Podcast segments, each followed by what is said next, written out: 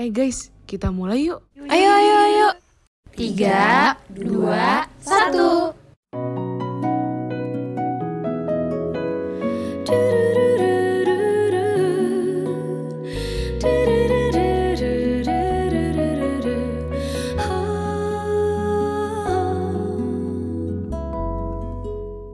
Halo kolaborators. Selamat datang di iPod. IKK Podcast. Dengerin aja. mendalam gue sempat agak Oh, tahan mendalam dulu, tahan dulu, tahan dulu, tahan dulu, tahan dulu. Kira Iya, gue aja yang buka ya. Oke. Iya. oke Halo guys. oh udah oke banget. Kita buka ini udah dibuka. Zalfa taruh dulu gitarnya ya. Kita balik lagi di iPod. IKK udah ya tadi. IKK Podcast. nggak apa-apa di lagi sesi eh, di sesi biru bincang-bincang seru Yeay. Seru banget kali ini kita berempat ya kan biasanya kemarin tuh cuman berdua ya kalau sesi gue sih biasanya berdua doang sama Zalfa tapi sekarang kita nambah dua orang ya Zal ya ada kenalan dulu kali ya ada gue Hanan terus ada Ada Zalfa. ada gue Zura dan gue Afi Yeay. Yeay. Kita, kita dari kali 55. iya Sesuai judul kali ya teman-teman udah pada tahu kalau misalnya kita mau membahas nih hal yang lagi happening banget di kalangan kita gitu ya, terutama cewek-cewek gitu. Pasti cowok-cowok juga pada denger ya kalau ada yang denger podcast ini cowok. ini tentang K-pop. K-pop. Jadi sebenarnya K-pop itu di Indonesia itu udah lama banget. Jadi kayak dulu tuh sempat rame tuh angkatannya Mas Suju ya sama Mbak SNSD.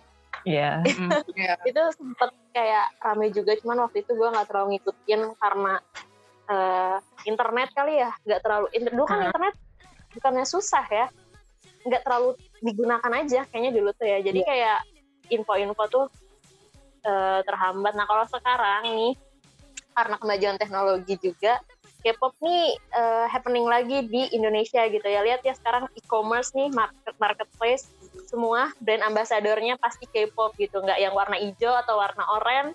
Ya. setuju Ambasadornya tuh K-pop gitu. Dan eh, per Hallyuan atau K-pop wave itu tuh eh, nyampe ke diri gue sendiri gitu dan gue pun jadi terpengaruhi jadi menyukai K-pop juga gitu tapi gue nggak tahu nih ketiga teman gue nih eh, bagaimana menanggapi K-pop di Indonesia gue mau bertanya eh, sama Nah sih guys, mereka tuh pada ngasih tangan XX gitu. sama yang yang masih anget-angetnya kali ya yang Iya. jadi baru jadi K-popers oh Oh, Siapa lagi? siapa? Sebenarnya, ini, eh, ini dulu ya, eh, disclaim dulu, semuanya takut yang dengerin K-pop. Kita semua berempat itu eh, bukan empat-empatnya itu bukan yang mendalami K-pop juga, kita juga kayak dasar gitu ya, kayak tahu-tahu aja gitu maksudnya. Ya gue emang menyukai, tapi terbilangnya tuh masih dasar. Gue takut dihujat. Iya takutnya Walaupun ada kita master-master per K-popers di luar sana yang kayak apaan sih nih orang ngomongin K-pop gitu. Jadi kita Iya. reclaim dulu. generasi baru sih jatuhnya. Kita newbie Jadi- basic lah. Jadi ini K-pop menurut pandangan eh, yang pertama orang yang baru masuk K-pop, yang kedua eh, K-pop setengah western, yang ketiga yang ketiga Siluman itu eh, sebenarnya dia mengikuti Yang mau K-pop dari zaman Iya, ntar yang ketiga itu yang yang menyukai K-pop dari SD tapi cuma sekedar mantau aja gitu, nggak dalam Hmm. banget, nggak ngejauh juga. Dan yang keempat, Zerul tuh baru banget apa? Baru juga ya? Gua kayak jatuhnya kayak lu sih Nan. Yang setengah Iya, baru. west dulu. Mm.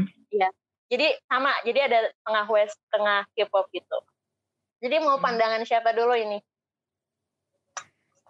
Pandangan siapa ya? Mbak.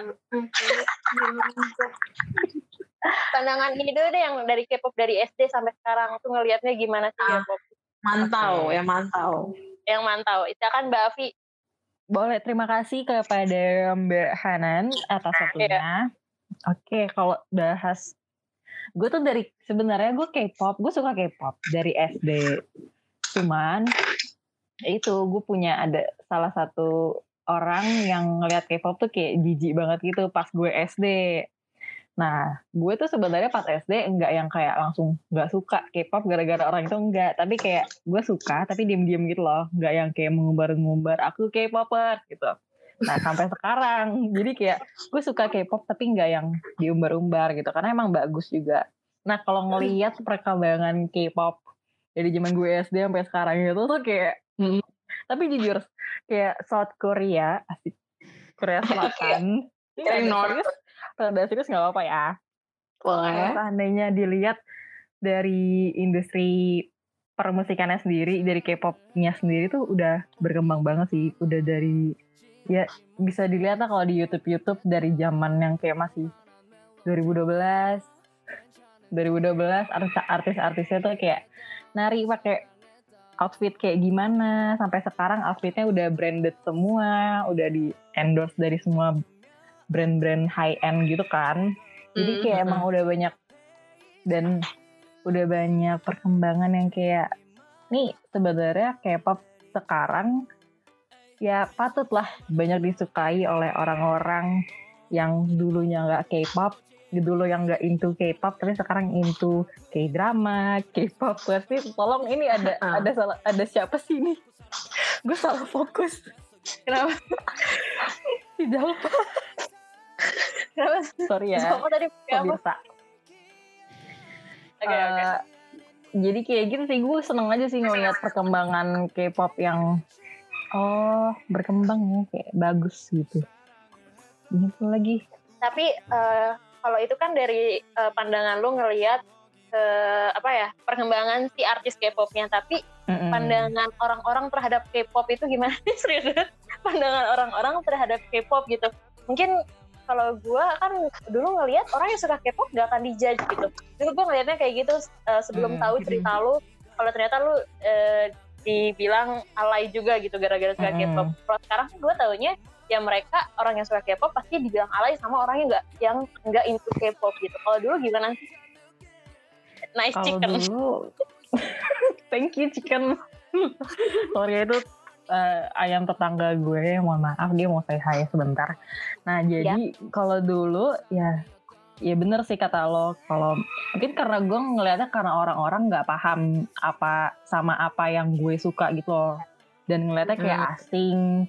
Terus kayak jadi beranggapan kayak, hmm, kayaknya enggak deh, kok lo aneh gitu Mm-mm. jadi dianggapnya kayak enggak kok eh, ini sih alay banget gitu kan istilahnya gitu cuman kalau sekarang ya yang tadi gue bilang gitu kalau K-pop tuh udah bagus banget gitu dari visualnya dari lagu-lagunya Mm. dari cara mereka aduh serius banget ya dari cara mereka memasarkan artis-artisnya ngerti gak sih? Udah bagus banget gitu kayak bahkan udah artis-artis banyak lah artis-artis sekarang yang bahkan udah sampai kayak Hollywood gitu yang suka sama K-pop gitu. Jadi kayak bagus bagus. Eh apa sih gue bingung sendiri sama omongan gue Ya jadi pandangan orang ngelihat K-pop tuh sekarang berarti meningkat ya. Kalau dulu iya kan bener eh, dibilang eh, orang yang suka K-pop tuh dibilang alay lah gitu ya. Kalau sekarang tuh kayak Hmm. sebenarnya masih ada yang bilang alay, tapi ter- banyak juga yang udah bisa menghargai orang-orang yang suka K-pop gitu ya, Vi.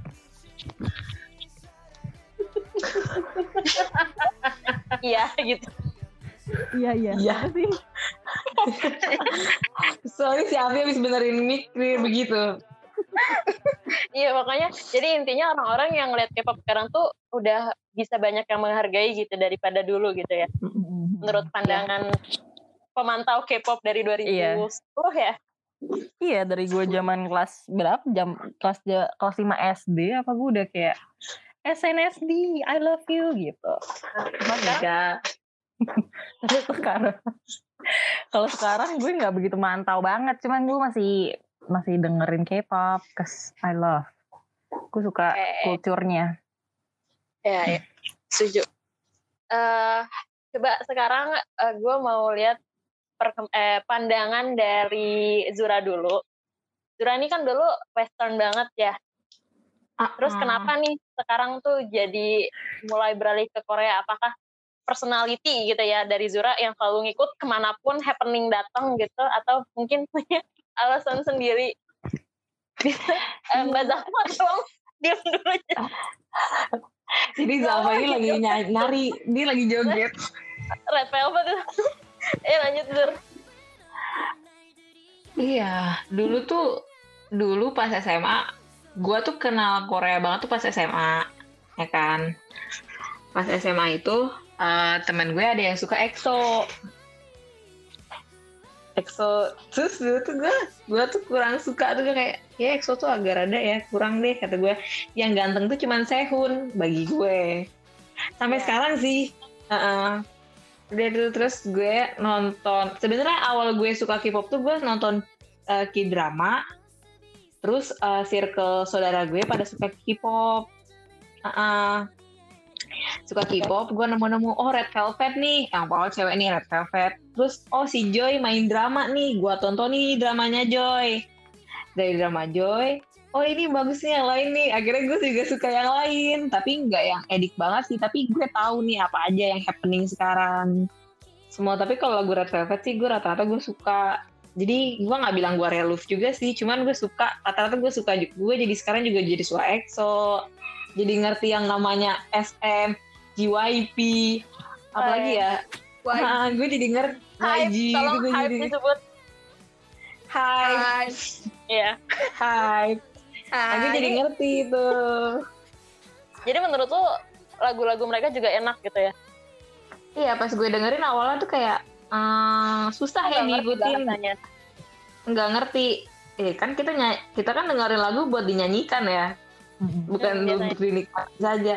Cuma semenjak Korea nih, gue jadi belajar untuk menikmati juga gitu. Nggak apa-apa gue nggak bisa nyanyi, tapi gue menikmati gitu. Ya, karena ternyata lagunya emang enak gitu ya. Ah, ah. udah gitu gue juga suka tulisan Korea gitu loh, cantik. Hangul tuh cantik. Jadi gue belajar Oh. juga tuh nulis nulis lirik gitu, iseng-iseng gitu. Oh, jadi gitu ya, apresiasi Zura itu adalah mengapresiasi ar- eh, idola Zura Zura itu adalah dengan menulis lirik lagu mereka. Itu adalah bentuk apresiasi gitu. Padahal di Google tuh banyak gitu. Tapi bagi Zura itu pengorbanan dia menulis lirik. Enggak, itu gak banyak ya. Bisa sih gue nulis sarangnya, itu gue bisa lah. Eh, Keren sih. Berarti ternyata K-pop itu memberikan eh, pengaruh ke lu dengan lu jadi bisa belajar eh, budaya mereka, belajar bahasa mereka gitu dan belajar tulisan. Terus gue tuh pengen belajar bisa bahasa Korea itu karena kalau idolnya atau oh, gue tuh lebih suka aktor Korea. Lagi live tuh gue nggak ngerti mereka ngomong apa. Apa? Gue jadi pengen belajar tuh bahasa Korea gara-gara itu. Sih. Ya itu jadi pengalaman Zura yang tadinya western banget ya, terus perlahan beralih ke Korea karena drama Korea gitu.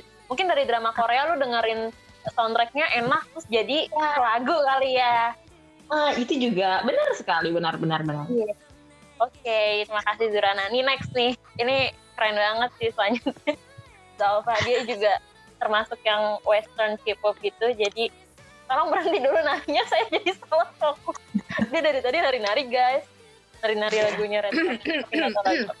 Gimana gimana? Annyeonghaseyo. Gini Zal, Zalfa ini termasuk orang yang eh, sempat menolak gitu lagu K-pop karena kayak nggak paham, nggak ngerti apa enaknya gitu. Tapi lambat laun nih tiba-tiba beberapa bulan yang lalu nih dia ngadu ke gue dia menyukai salah satu eh, idol K-pop dan gue cukup terkejut ya.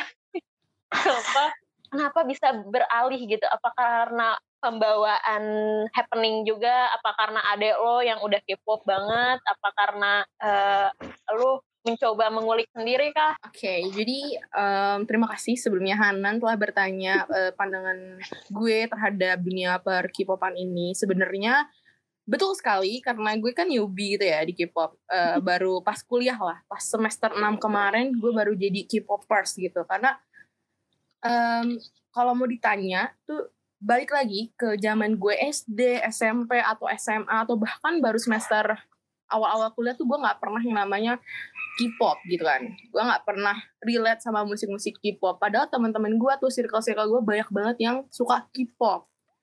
Karena gue tuh dulu sempet kayak ngelihat K-pop itu kan cowoknya ya lu tahu kan em, gaya-gaya cowok yang K-pop tuh berdandan kayak make up gitu kan terus kayak rambutnya diwarnain gitu kan terus kadang tuh ada yang pakai anting gitu kan terus um, kulitnya tuh putih banget gitu kan gue tuh dulu menurut gue yang laki-laki yang laki-laki banget yang laki banget gitu nggak kayak gitu Iya paham paham. jadi kenapa yang gue dulu- ya. Iya benar. Jadi kenapa gue tuh dulu memandang K-pop tuh kayak ah lemah banget gitu kan boy bandnya kayak berdandan kayak gini-gini gitu kan. Terus lagunya juga kebanyakan tuh K-pop yang stup stup stup stup yang gitu-gitu kan. Yang pokoknya yang beatnya tuh cepet gitu kan. Sedangkan gue tuh dulu sukanya lagu-lagu yang rada pop lah. Ya sebenarnya K-pop kan, Ki tambahin Ki doang gitu. Cuman dulu tuh karena gue berawal gak suka dari stylenya gitu kan style sama mungkin dari bahasa juga bener tadi kan kata Zura kan eh, kita kurang paham gitu ya sama bahasa Korea juga gitu kan terus lama-lama nih pas kuliah karena emang teman-teman gue makin banyak yang K-pop. Nah terus lagu-lagu K-pop juga yang tadi kata Avi eh, udah kayak familiar gitu di dunia. Bahkan mereka kayak udah terkenal sampai ke western gitu kan. Kayak BTS gitu kan udah kayak tampil-tampil banyak kan di luar negeri. Kayak di Jimmy Fallon eh, gitu-gitu lah Email. Kimmel gitu kan Carpool Karaoke sama James Corden gitu kan. Dan itu acara yang dulu gue sering tonton gitu kan. Nah semenjak saat itu gue masuk dunia perkipopan like kepo nih. Ngeliat oh BTS membernya ini ini ini. Jujur BTS gue suka loh dari segi lagu gitu kan. Apalagi sekarang lagu mereka banyak yang berbahasa Inggris jadi lebih mudah untuk orang didengarkan dan mengerti gitu arti lagunya apa. Terus gue semakin beranjak ya nama juga namanya orang kepo gitu ya. Nggak cuma satu grup doang akhirnya meranjak ke sini adik gue di rumah. Karena kita pandemi sering di rumah gue lebih sering liat adik gue tuh kayak NCT gitu kan. Adik gue tuh suka NCT Ah. dia tuh fase K-pop yang sampai beli album ya kan? Terus gue kayak ngeliat oh gini ya gini albumnya gitu kan. Albumnya lebih variasi lebih warna gitu kan album-album K-pop. Gue ngeliat nih NCT dari mana dari SM nah gue lihat art- art- artis-artis SM siapa aja nah mulai di YouTube kan kalau kita klik video suka muncul recommendation gitu kan di kanan Mhm. muncul EXO tuh yang yang ini yang love shot yang ini wih yang Oh, ya, lah, lah, lah. Oh. Jadi Iya sih gerakannya pas banget sih. terkai-kai ya, bukan tersongkang-songkang terkai-kai. Iya, jadi gue terkai-kai dulu sebelum tersongkang-songkang ya.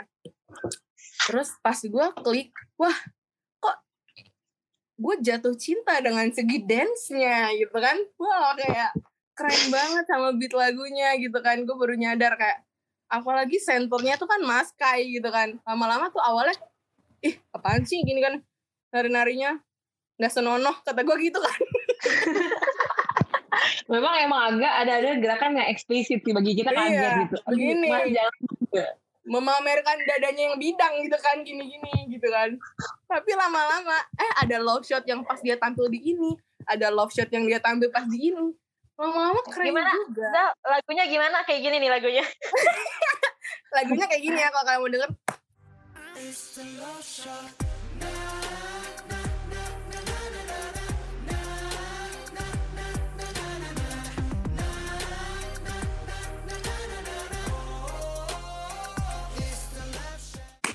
kan lagunya kayak lagunya keren dance-nya juga keren udah deh akhirnya semakin banyak gue nyari Kai gue suka banget sama Kai karena dance dia tuh keren banget gitu kan terus abis itu udah nggak cukup nih namanya juga kita ngefans yang terlalu banyak mengeksplor nggak cuman boy band merambah ke girl band gitu kan awalnya kan Ah. adik adik gue kan bling ya bling bener kan Mhm. Iya, benar. Blackpink Fansnya Black kan. Oh ya eh, Blackpink juga keren gitu kan ya.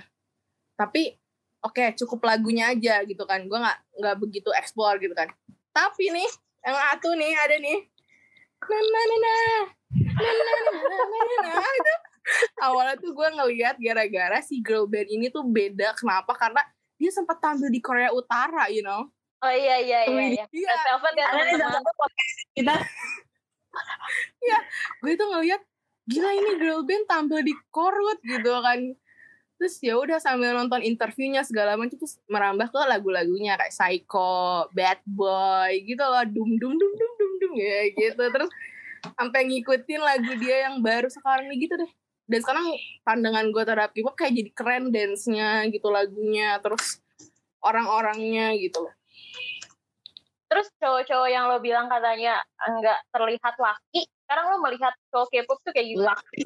nah sekarang dulu yang dulu yang gue lihat gak laki nah sekarang laki gitu Wih. karena bener jadi K-pop itu nggak sekedar lo dengerin lagu tapi kalau udah suka lo pasti bakal nonton kayak hmm, bukan vlog Reality ya apa biasanya nah real Reality show. show-nya gitu. apa Mm-mm. biasa kan punya Bangtan TV gitu kan ya Ya makasih. Mm-mm. ya kan jadi kita bisa lihat kesehariannya eh, sifat aslinya lucu-lucunya jadi malah makin suka gitu justru itu sih Itulah perjalanan Zalfa yang akhirnya jadi menyukai gitu. Tapi setelah gue simpulkan adalah eh, kenapa dulu kita ngejudge karena kita belum kenal, karena kita belum Iya. tahu, Betul. makanya kita dijudge gitu. Dan untuk untuk bisa untuk mau mengenal gitu kan ya, untuk mau tahu gitu, pertama tuh harus yang namanya ada penerimaan gitu. Lu nggak akan bisa nerima, misalnya gue ini lu belum K-pop terus gue kayak ngedoktrin terus kalau misalkan dari dia lu belum ada penerimaan untuk menerima budaya K-pop ini lu nggak akan pernah bilang suka gitu tapi kalau misalkan lu ada penerimaan terus nanti jatuhnya ke kepo terus nanti barulah jatuhnya ke suka gitu jadi orang-orang yang eh, menilai K-pop itu ala ya karena mereka belum kenal mereka belum tahu gitu dan mereka belum paham gitu kenapa orang suka sama K-pop gitu. Ini nggak berlaku ke K-pop juga sih mungkin orang ada yang suka lain terus ada orang yang ngejudge ya. Orang itu nggak tahu gitu apa yang si orang ini lihat dari si idolanya kayak gitu setelah gue simpulkan gitu. Terus kalau lu gimana nih Nan? Perjalanan lo suka K-pop ya kan? kayaknya pasti pikir gue nunggu ditanya kan enggak enggak gue sebenarnya tadi mau ngomong sendiri nggak nunggu ditanya. Oh gitu. Gue Saya gue pernah sih. gue mirip kayak kalian. Orang menurut gue tuh laki itu yang western gitu. Itu itu salah Ya. juga sih sebenarnya. Eh, kan eh, dulu maaf ya orang yang kayak kulitnya gelap nggak mau dijudge gitu. Misalnya kayak eh jangan dijudge gitu.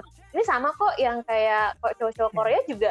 Lu nggak boleh eh, nge-shaming gitu karena mereka putih karena mereka eh, bentuk mukanya kayak gitu dibilang nggak laki gitu itu sama aja sama juga Salva ih Salva mulu gue gue juga gue juga termasuk orang yang kayak dulu mikirnya laki itu tuh yang harus eh, kulitnya gelap, yang harus kelihatan maco gitu.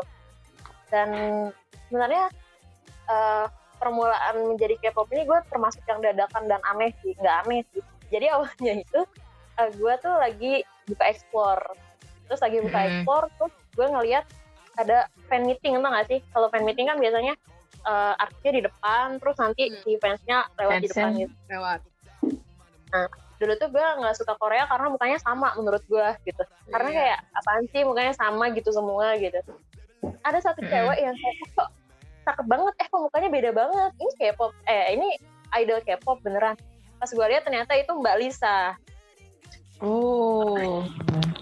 Mbak Lisa. Lagi fan meeting gue kayak lihat mukanya unik gitu kayak eh siapa nih? Gue, akhirnya gue tanya teman gue gitu terus gue kayak penasaran dengerin lagunya dong. Pada saat itu gue nggak langsung kayak yang oke enggak gitu.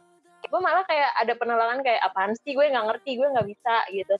Tapi tiba-tiba nih lagi nyet lagi dengerin lagu itu ke play lagu Stay-nya Blackpink. Itu kan lagu Stay itu termasuk lagu yang mellow kan dan ternyata enak tuh lagunya. Nah dari situlah eh, setelah penerimaan atas lagu Stay gue akhirnya melihat dance mereka juga denger lagu-lagunya juga dan itu emang lagunya enak gitu.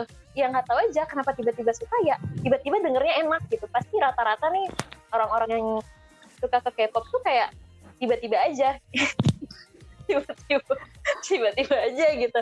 Entah tiba-tiba nge- ngelihat dance-nya bagus entah tiba-tiba ngedenger lagunya kok jadi enak gitu atau ngelihat tiba-tiba visualnya lucu gitu. Iya, dari situ gua nge- nggak nge-stand Blackpink juga sih cuman gua orangnya yang ngedengerin hampir dulu tuh satu albumnya Blackpink itu loh. Tapi Blackpink yang dulu gitu, yang era-era masih Bumbaya. Bumbaya. Nah Oh. kayak gini nih lagunya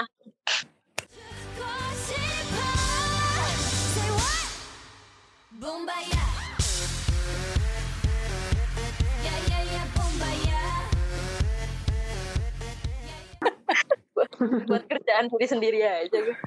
terus abis itu tuh Blackpink tuh kan agak lama ya itu tuh dari zaman gue semester 1 kayaknya nah terus Mm-mm. pandemi nih nah ini nih yang gue rada agak lama gitu agak dalam menyukainya ini gara-gara gue tuh dulu eh, nontonin YouTube-nya Chandra Liao shout out to Chandra Liao dia lagi Wih.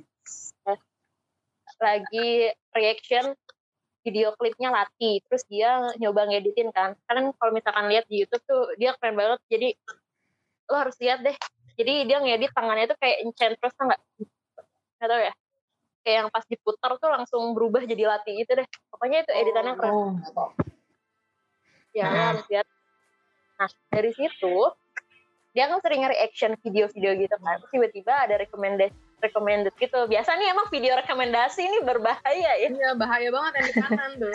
video rekomendasi Chandra Leo nge-react MV-nya BTS gue maksudnya kayak rada apa ya rada kayak eh apaan sih? gitu. Maksudnya kayak eh, editor gitu seorang editor nge-react MV K-pop yang dulu gue masih mikirnya kayak eh, masih apa ya berpikir gak Skeptis gak bagus. gitu. maksudnya ya skeptis gitu maksudnya. Maaf ya. Nah, terus gue nonton Ah. dong akhirnya. Nah itu rasa kayak penerimaan itu loh penerimaan ketika eh kok sampai dia di reaction berarti bagus gitu. Akhirnya gue kepo setelah penerimaan gue kepo. Pas gue kepo si Leo ini ngebahas katanya MV BTS itu ada eh, konspirasinya gitu. Maksudnya eh, mereka ngebuat MV-nya itu eh, gue tuh suka hal yang ngedetail dan mereka kayak ngejelasin detail-detail gitu loh. Kayak eh, tentang jadi di di di MV-nya tuh Taehyung itu ada gambar tato gitu di sini kayak akar. Jadi kayak Mm-mm. ngeblack gitu. Nah itu tuh kayak ada artinya lah.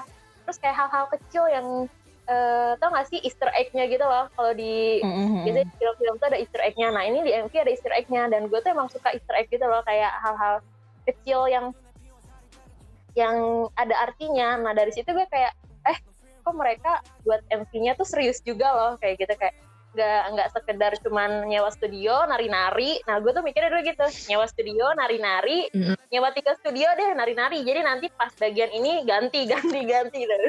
Gue dulu mikirnya tuh kok buat MV-nya kayak gitu terus makin ke sini kok enak gitu ya ngedengerin lagunya kok enak gitu. Dulu tuh gue tipe orang yang kayak kalau gue suka lagunya gue harus bisa eh gue harus bisa eh, nyanyi liriknya gitu ya. Tapi ini gue nggak peduli Mm-mm. gitu. Lagunya enak. Jadi mau nggak mau harus gue yang ngalah dan gue menyanyi eh, nyanyinya harus belajar bahasa Korea gitu. Jadi jadi kayak ya mereka bagus nge-branding negaranya untuk memaksa kita biar bisa Hmm. bahasa kayak gitu.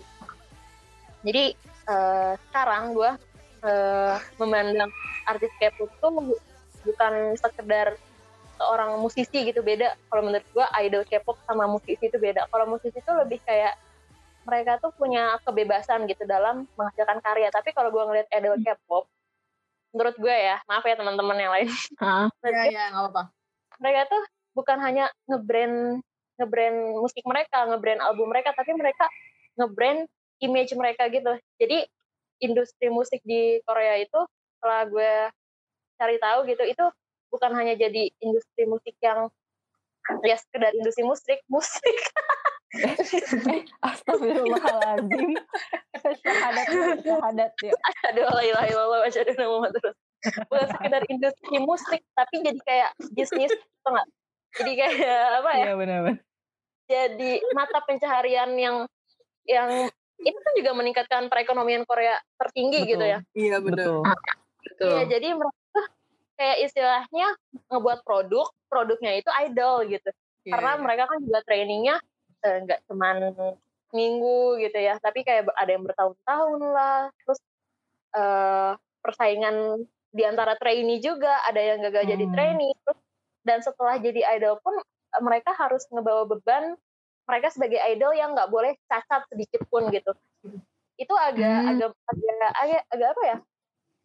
Agak sedikit kasihan juga gitu. Tapi itu tuntutan dari mereka sendiri dari negara mereka gitu. Bahkan menurut gue kita kita nih yang bukan eh, warga Korea tuh nggak terlalu banyak menuntut mereka harus sempurna lah. Tapi keluarga mereka sendiri itu menuntut bahwa idol tuh ya emang harus sempurna gitu. Bahkan untuk beberapa Hmm. tahun mereka setelah debut gitu ya mereka nggak boleh uh, ada yang dating lah nggak boleh punya skandal Hmm. gitu. Apalagi uh, kalau misalkan mereka udah terkenal terus diulik nih dulu pas sekolah tuh pernah ngapain? Pernah ngebully kah? Atau apa ya namanya kan manusia ya gitu ya.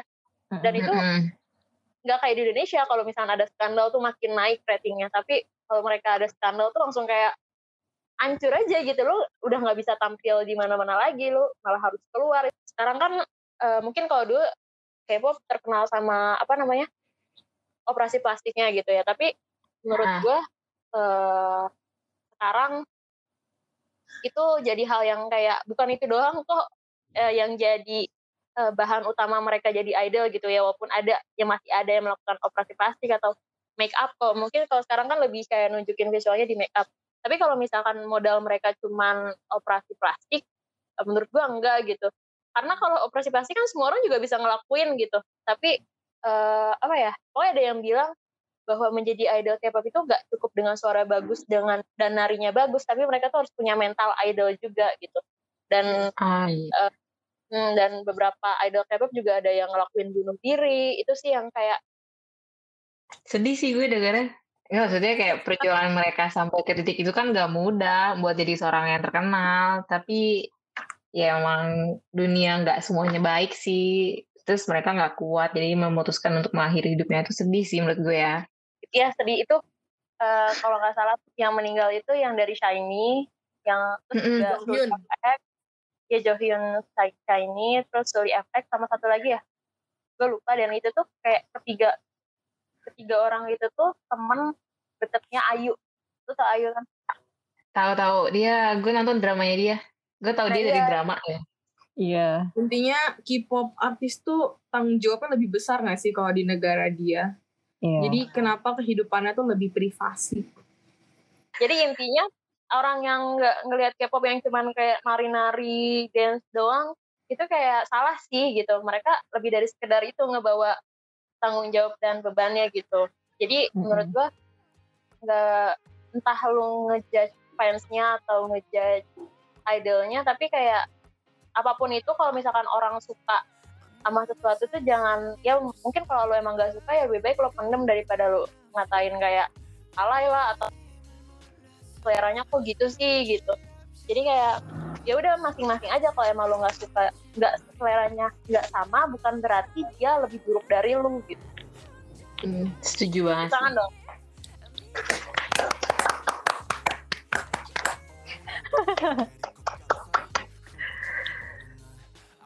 Tapi sebenarnya kalau diulik lagi, K-pop tuh luas loh menurut gue ya.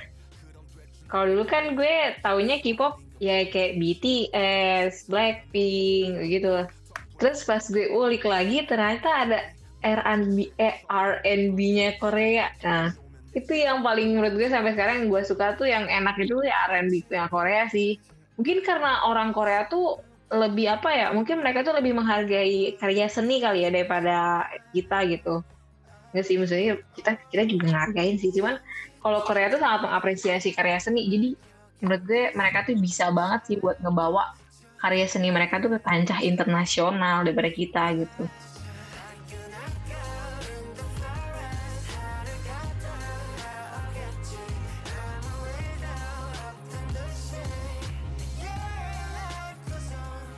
Ada satu yang menarik selain K-pop kan setelah maksudnya setelah kita belajar maksudnya setelah kita kenal K-pop nih ada satu budaya yang gue sukai dari Korea.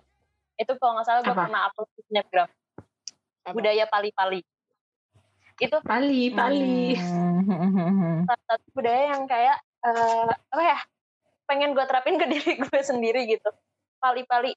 Itu adalah budaya yang eh, mereka tuh di di sana mungkin untuk di negara-negara maju ya kayak salah satunya di Korea Jepang mereka tuh sangat menghargai waktu.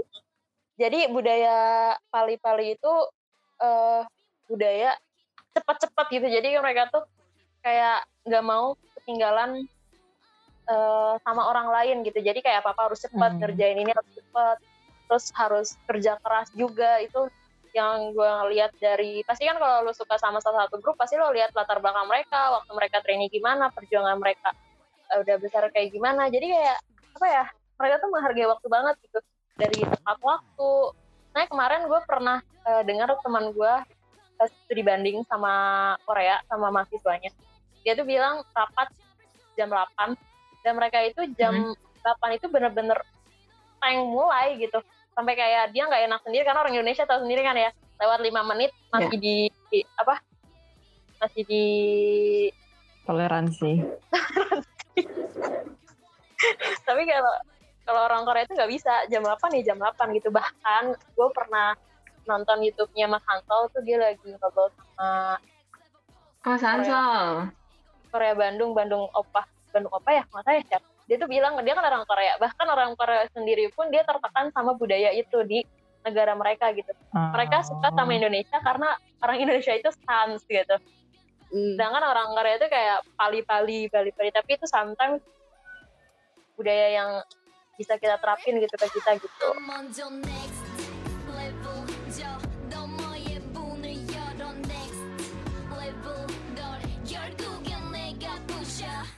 Oh iya, by the way nih ngomong-ngomong tentang artis-artis Korea nih K-pop, kan banyak juga nih youtuber-youtuber.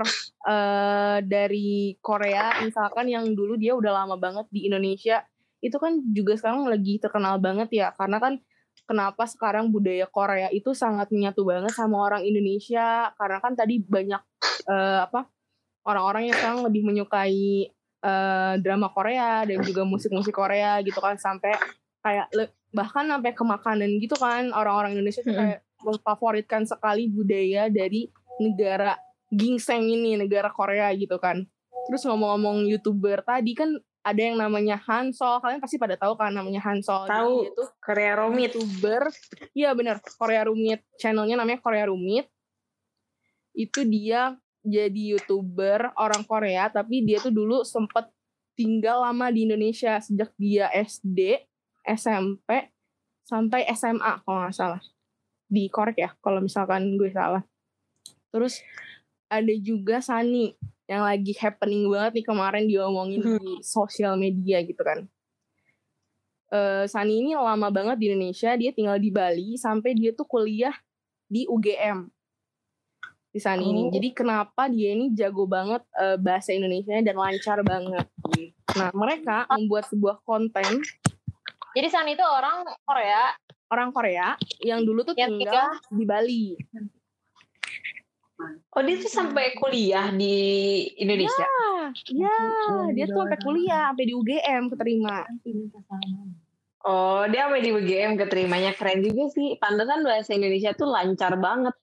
lancar banget. Nah, itu juga kenapa orang-orang Indonesia juga semakin familiar dengan budaya-budaya Korea kan banyak juga influencer yang sebenarnya rada kecipratan eh, pernah tinggal di Indonesia dan sekarang dia eh, berkarir menjadi YouTube di mana orang-orang Indonesia kan banyak banget ya buka-buka YouTube segala macam gitu Ya. kan. Ah, dan mereka itu salah satu eh, influencer ini tuh jadi semakin mudah gitu berinteraksi dengan orang eh, Indonesia. orang-orang Indonesia. Kenapa? Karena mereka tuh dulu sempet dan lama tinggal di Indonesia gitu. Nah, gue mau nanya nih ke kalian semua. Menurut pandangan kalian gimana sih terhadap influencer yang orang asli Korea ini, tapi mereka hanya memanfaatkan suatu momen buat membuat diri dia tuh menjadi tenar gara-gara mem- memanfaatkan viewers-viewers dari Indonesia. Kan ada happening banget nih si Sunny kemarin ada hoax sih katanya dia ini hanya memanfaatkan penonton-penonton dia dari Indonesia supaya YouTube dia tuh berjalan dan mencemerlangkan karir dia kayak gitu. Padahal di baliknya mereka dia tuh ngejelek-jelekin eh, penonton dari Indonesia ini. Gimana dari dari Afi dulu deh gimana Vi? Kalau kalau yang gue lihat ya, kita lihat dari personality rakyat Indonesia dulu. Kalau emang gini, emang arak gue ini walaupun gak ada yang denger gak apa-apa lah ya. Ya apa nggak ada yang denger juga. Eh, menurut gue memang kan emang Indonesia nih em, manusianya penduduknya itu terbanyak ya maksudnya salah satu yang terbanyak gitu top 3 di dunia. Hmm. Nah, salah satu kita juga menurut gua rakyat-rakyat Indonesia tuh konsumtif bukan dalam barang bukan dalam konteks barang ya maksudnya emang yang kita tuh eh, cara kita mengekspresikan kesukaan kita tuh sangat intensif gitu loh. Jadi kayak ad- sangat apa ya adiktif gitu loh. Kayak toxic. Nggak toxic sih. Maksudnya ya gitulah kita tuh orangnya fanatik banget. Nah pinternya orang-orang yang dalam tanda kutip asli orang Korea dan memanfaatkan orang Indonesia ini dia tahu kalau kita tuh emang uh, satu emang kita suka nih sama budaya uh, negara mereka Mhm. kita suka K-popnya, kita suka makanannya, kita suka K-dramanya. Nah kebetulan dia punya privilege. eh, eh, gue tinggal di sana nih, gue tahu kehidupan di sini gimana. Dan kebetulan gue punya platform yang bisa menghubungkan gue dengan orang-orang yang bisa Di apa ya? Iya orang-orang Indonesia yang sangat cinta budaya di negara gue gitu loh Hmm. sebetulnya yang sebetulnya ya menurut gue yang memanfaatkan orang Indonesia sebagai viewers itu bukan dia doang Iya. menurut gue tapi yang disayangkan hoaxnya kan yang menjelek-jelekan adalah beliau ini gitu nah itu sih yang disayangkan jadi kayak seharusnya kalau lo nggak ngomong dia kan juga termasuk youtuber yang lama nggak sih Iya. termasuk udah lama banget di YouTube gitu. Seharusnya kalau dia nggak ada omongan kayak gitu, maksudnya kayak dia bagus sebenarnya kontennya. Tapi kalau sana nggak ada hoaxnya gitu, harusnya kita mah baik-baik aja nggak sih? Maksudnya gimana ya? Jadi Oke, kayak, maaf. Motong. ah, Eh, boleh. eh, emang dia ngomong apa sih? Maaf nih gue nggak terlalu ngikutin nih kak. Tapi gue tahu dia ngejelekin kita. Tapi gue nggak tahu omongan apa. Omongan yang gue baca itu dia em, kayak gue nggak tahu ya nih juga gue bacanya dari Instagram doang dari apa akun-akun gosip gitu. Dia bilang katanya orang Indonesia tuh eh, bodoh maaf ya Iya. bodoh gitu. Mereka tuh nggak ngerti gitu. Jadi aku cuman memanfaatkan mereka doang untuk viewers aku gitu. Itu sih yang gue ngena kayak anjir gue dibilang bodoh. Meskipun gue Iya. nggak nonton gue nggak nonton konten dia banget cuman gue kan kayak anjir bisa bisanya lo ngomong kayak gitu yang ke orang-orang yang udah ngasih apa ya perhatian ke konten lo gitu. Jadi kayak oh oke no gitu itu sih yang ngena banget menurut gue di- kita dibilang bodoh. Tuh. gitu. Jadi sangat disayangkan aja sih. Padahal dulu gue ngelihat dia tuh kayak ya keren sih gitu. Kayak wah tinggal di Korea terus dia ternyata punya pengalaman sekolah juga di sini. Ya tapi ternyata kayak gitu as- aslinya. Iya. Dan tadi sih yang kata Avi sebutin yang dia bilang eh, apa namanya orang Indonesia tuh bodoh dan dia juga hanya memanfaatkan namanya juga netizen Indonesia ya ada hoax kayak gitu langsung dicari gitu kan. Mm-mm. Nah kemarin tuh sempat juga ketahuan mereka nge-explore video-video lamanya Sunny sama Mm-mm. eh, pacarnya Nisa. di channel Sunny and Chris. Ada konten dia yang ikut berpuasa selama satu bulan. Ah gue tahu. oh oh ini gue nggak Nah, suka juga sih Yang bikin heboh Ah. ini adalah ketika biasanya kan kalau youtuber mau puasa tuh suka ngeliatin jamnya ya. Nih guys jam segini. Nah ada yang nggak sinkron. Dia bilang eh, dia sahur eh, imsak di Korea itu sekitar jam 3-an. Gitu kan. Terus dia bilang ini sekarang jam 2 lewat 15. Padahal pada saat dia nunjukin HP dia itu ada jam kecil di atasnya itu lagi jam 12-an gitu. Jadi itu kayak Aduh. dia ngomongnya jam 2 tapi HP dia tuh jam 12-an, midnight pas tengah malam. gue sih maksudnya kayak nggak apa-apa kalau misalkan lo ingin memanfaatkan kita dan melakukan hal yang kita suka ngerti nggak sih masyarakat suka gitu ya it's okay gitu tapi ya itu selama lo nggak nggak nggak apa ya nggak bohong gitu ya buat Iya. konten ya jujur aja. Lo kalau misalkan buat konten puasa ya sok aja buat konten. Tapi ya dengan jujur gitu. Karena apa pun yang dilakukan tanpa kejujuran toh nanti juga akan terungkap gitu aslinya kayak gimana gitu. Tapi gue sih takutnya adalah kan yang punya konten kayak Korea Indo, Jepang Indo gitu kan ya, itu kan eh, nggak cuma dia doang. Dan gue tuh takutnya nanti malah jadi ngebuat kita mikir bahwa orang-orang yang kayak Iya. gitu tuh hanya memanfaatkan gitu dan bilang Hmm. kalau misalnya kita bodoh lah gitu. Itu kan juga berefek ke yang lain gitu karena gue juga kan Hmm. nontonin kontennya siapa Mas Hanso gitu Korea Iya. Rumi Hmm. terus Mama Hina di Iya. apa Kimba Iya, Family Kimba Family gemes banget. Iya gemes banget itu.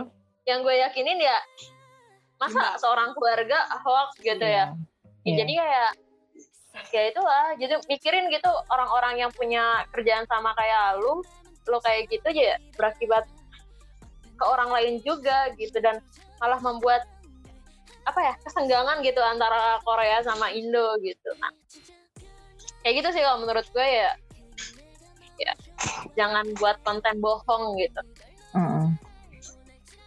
Sebenarnya kalau ngomongin puasa bohongan, kan kalau seandainya kalau seandainya kita kan eh, misalnya kita suka nih sama seseorang, terus tapi ternyata seseorang itu ya kayak misalnya gue nih viewersnya si Sani, terus eh gue sebut orangnya nggak apa, nggak apa nggak apa Apa? Emang dia denger? Oke misalnya ya Mbak Sani kalau denger podcast kita. Ya maaf ya Kak Sani. kalau ngomongin podcast yang eh podcast kan jadinya vlog yang puasa.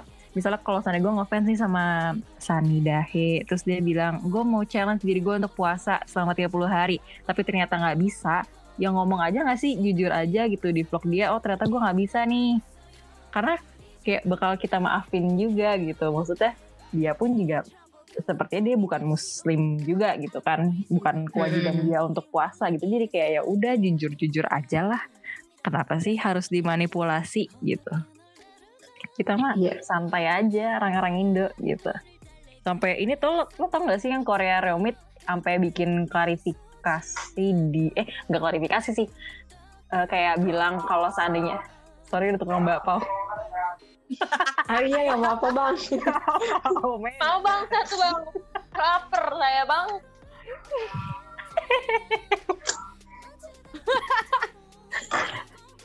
Iya pokoknya gue pas itu pernah ngeliat postingan Korea Romit yang dia bilang eh, eh, kalau saya dia bilang kalau sana gue tuh nggak memanfaatkan kalian kok. Maksudnya gue bener-bener truly bikin konten karena emang seneng gitu emang suka bukan memanfaatkan rak- eh, netizen Indonesia gitu. Ya wow impactnya sebesar itu. Gue ngeliat konten-kontennya Mas Hansol tuh nggak ada yang aneh-aneh gitu. Maksudnya kayak Iya. justru itu adalah ngebantu kita. Kayak misalkan gue sih lebih suka nonton detektif rumit ya yang kayak kasus-kasus asli di Korea. Oh, iya seru kita kan banget nggak mungkin baca kita nggak mungkin baca artikelnya kita nggak ngerti. Dan Mas Hansol itu eh, semoga Mas Hansol baca podcast ini ya. Dengar. baca oke baca. Mau mention mau gue mention gue record gue mention. Jadi maksudnya eh, kontennya Mas Hansol itu kan tentang eh, detektif gitu tentang kejadian-kejadian yang ada di Korea yang nggak mungkin kita baca artikelnya karena kita nggak paham tapi dibacain di, diceritain Iya. gitu. Jadi kita tahu bahwa ada kejadian kayak gitu yang bisa jadiin pengalaman juga buat kita. Itu eh, menurut gue sih bukan memanfaatkan justru Mas Hansol tuh jadi media kita untuk iya. ngerti gitu. Hmm. waktu itu pernah ada kasus di Indonesia pun yang sampai ke Korea sampai ya Mas Hansol tuh buat konten untuk mengartikan berita pemberitaan Indonesia Hmm. di Korea gitu. Itu sih kayak nggak mungkin lah Mas Hansol nggak tahu sih ya tapi enggak lah gitu. Maksudnya tim nggak nggak ada yang neko-neko tim Mama Gina Mama Gina forever. tim Gio Oh, tim Gio Iya, Gini-gini. Gio. gemes banget. Kayaknya Mbak Zura udah ke Korea ya. oh belum sih tapi pengen doain ya Sun. Amin Terus kita mau. Oh ya teman-teman kita mau ada studi banding ke Korea. Jangan Iya, lupa ya. amin. Oh iya. Jangan lupa ada tiket bulan Oktober. Iya, eh. Kalau gue sih karena gue tuh dulu nggak begitu tahu Sani ya. Maksudnya tahu, oke udah gitu doang, gak yang terlalu nyimak dan menarik aja. Tapi menurut gue sangat disayangkan aja sih. Kesannya jadi kayak memanfaatkan kita yang demen Korea jadi dimanfaatin gitu loh kan sayang banget. Jadi ya gue sih anaknya kayak ya udahlah nanti ya kan sekarang dia sendiri dapat ganjarannya gitu loh dari apa yang dia lakuin. Jadi ya semoga aja dia dapat ngambil hikmahnya. Dan Amin. gue sih ya amin gitu. Amin. Amin. Tapi kalau kok semoga sih gue suka banget sih Korea Romit bener kata Hanan. Yang menarik itu tuh Korea Romit ya. Sejujur gue tuh dulu kurang tahu tuh. Gue cuma tahu Korea Romit karena dia tuh ngejelasin ceritanya tuh enak, mudah didengar Iya. buat orang-orang yang lagi kepo ada apaan sih di Korea nih gitu buat orang-orang kayak kita kan yang lagi suka banget nih sama budaya Korea Jadi adanya Mas Korea Romit ini tuh sangat membantu kita gitu. Iya nggak? Iya, Iya. gitu sih. Karena menurut gue penjelasan si Han Solo sendiri enak gak sih buat dipahami gitu, didengar juga. Ya. Sisanya gue nonton YouTube ya orang Korea yang nggak ngomong lu tau nggak? Yang ada yang tulisannya bersih bersih atau nggak yang kafe? ada. Oh, Gua kafe. Gue kafe yang liter, Nah itu ya. nama kafenya liter.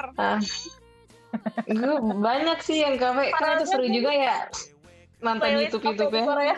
Tuh gak sih kalau lagi belajar Iya juga. kita, kita playlist kafe di Korea. Soalnya mereka tuh suka nambahin kadang efek-efek eh, Nuang hujan, kopi efek-efek gitu. terbang kopi. Iya itu tuh bikin kayak gue lagi belajar tuh jadi makin ngantuk. Bener.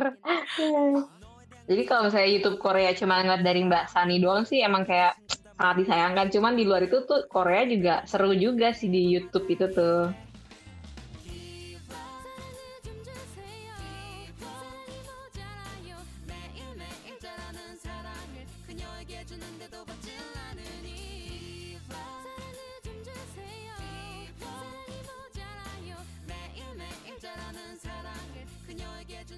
Terakhir sih eh, topik terakhir yang mungkin bisa kita angkat ya karena mungkin terlalu lama durasi.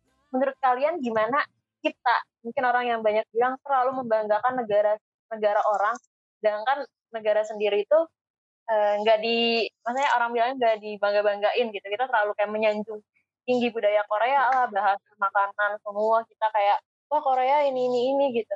Menurut kalian gimana? Coba Mbak Zalfa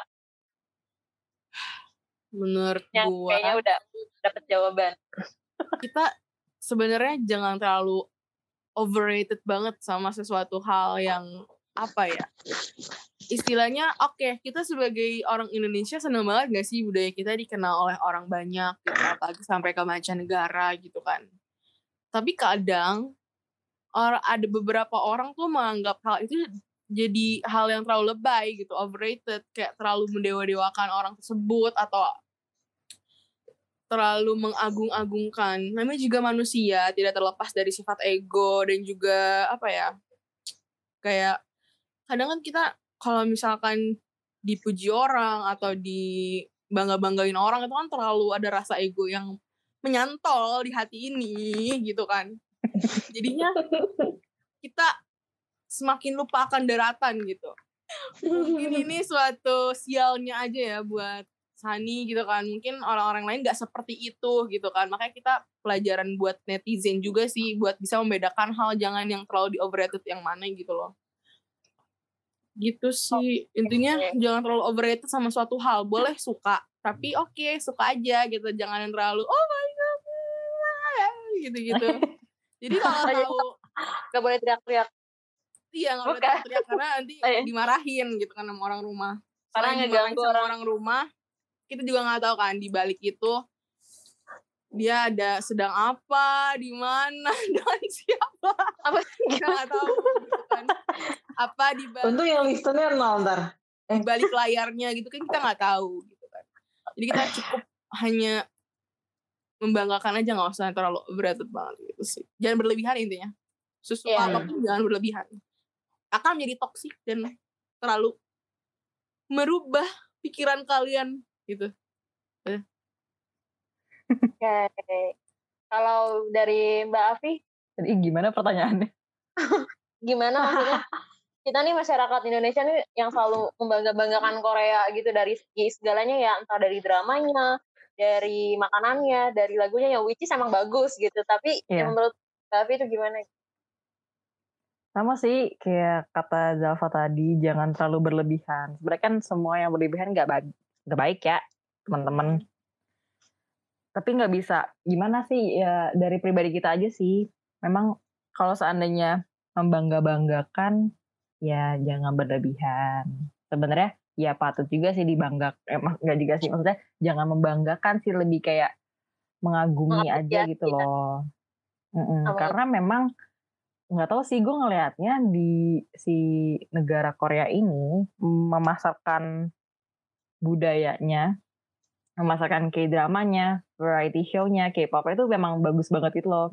Kayak pinter lah mereka tuh mengemas sesuatu Iya. untuk di- dipasarkan keluar tuh pinter banget. Jadi ya menurut gue emang orang Indonesia-nya sendiri aja sih nggak orang Indonesia mungkin nggak semua kali ya ada mungkin emang kitanya aja yang terlalu gampang termakan sama budaya-budaya mereka gitu Ya, jadi jangan jangan berlebihan bener kayak kata Zalfa Oke.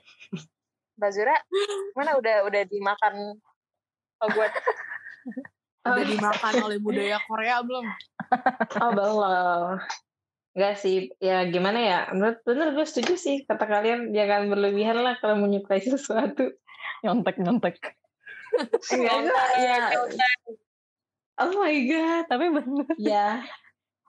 Iya kan, ya maksudnya yang suka sama Korea tuh banyak, Hmm. tapi ya kita sebetulnya juga nggak hanya Korea aja sih kan ya. Iya, sebenarnya Korean Wave tuh sebenarnya nggak terjadi di Indonesia doang, kayak Betul. di luar sana pun lagi happening nih. Tapi kalau bisa ya dari kita juga ingat-ingat lah, kita juga punya rendang loh, punya rawon, punya soto betawi punya soto Betawi, coto Makassar. Mungkin Kalau orang luar referensinya bilangnya nasi goreng, sate. nasi goreng, Bakso, satay, bakso reok. bakso. Ah, Oh iya bakso reog, iya banget itu salah satu jem. Kita masih punya bakso reok yang jem. jem hidden jem nah kayak gitulah ya dari kita juga jangan lupa untuk meng-share nih budaya kita jadi kalau misalnya pun kalian misalnya nih kalian ketemu sama orang Korea gitu lagi jangan lupa juga buat kenalin budaya kita Jadi jangan jadi jangan rendang lu. Ajakin makan bakso reok gitu. Iya kan, kan ada kan yang orang misalnya suka ada teman-teman kita yang suka main Ome TV lah, apalah, jangan lupa lah ngenalin budaya kita juga gitu. Yuk, Ini, ini, ini. Ome Oke, TV ya. Udah, Zur. Masih ada lagi. Iya, kayak Udah sih, ya, gitu. mereka kan memasarkan budayanya itu bagus ya lewat drama. Iya. Ini kita lewat Omen TV. Karena kemarin gue nonton TikTok terakhir tuh dia lagi ket, ada tuh dia orang Indonesia bisa bahasa enam bahasa dan dia tuh keren Ah. banget. Nah, Nah, iya. harusnya dia ngomongin rendang ya.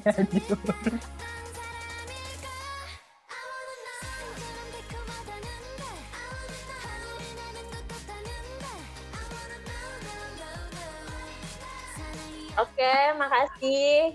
Kayaknya udah cukup ya, ini udah lama banget. Ini kita semoga kajian. terhibur. Yang baiknya diambil yang buruknya dibuang. Semoga bermanfaat untuk kalian untuk hiburan di eh, menuju semester baru ini gitu ya setelah KKN gitu. Ya makasih juga buat teman-teman podcaster hari ini. Ada Zalfa, aku, dan ada lagi mungkin yang mau diomongin sama kalian udah kan ya udah penutupan Udah lah ya. Udah, udah, udah. Dah, Udah, udah. Panas, Semua udah terwakili. Udah seret. makasih semuanya kita tutup dengan lagu K-pop kesayangan kita dadah Dadah, thank you. Udah.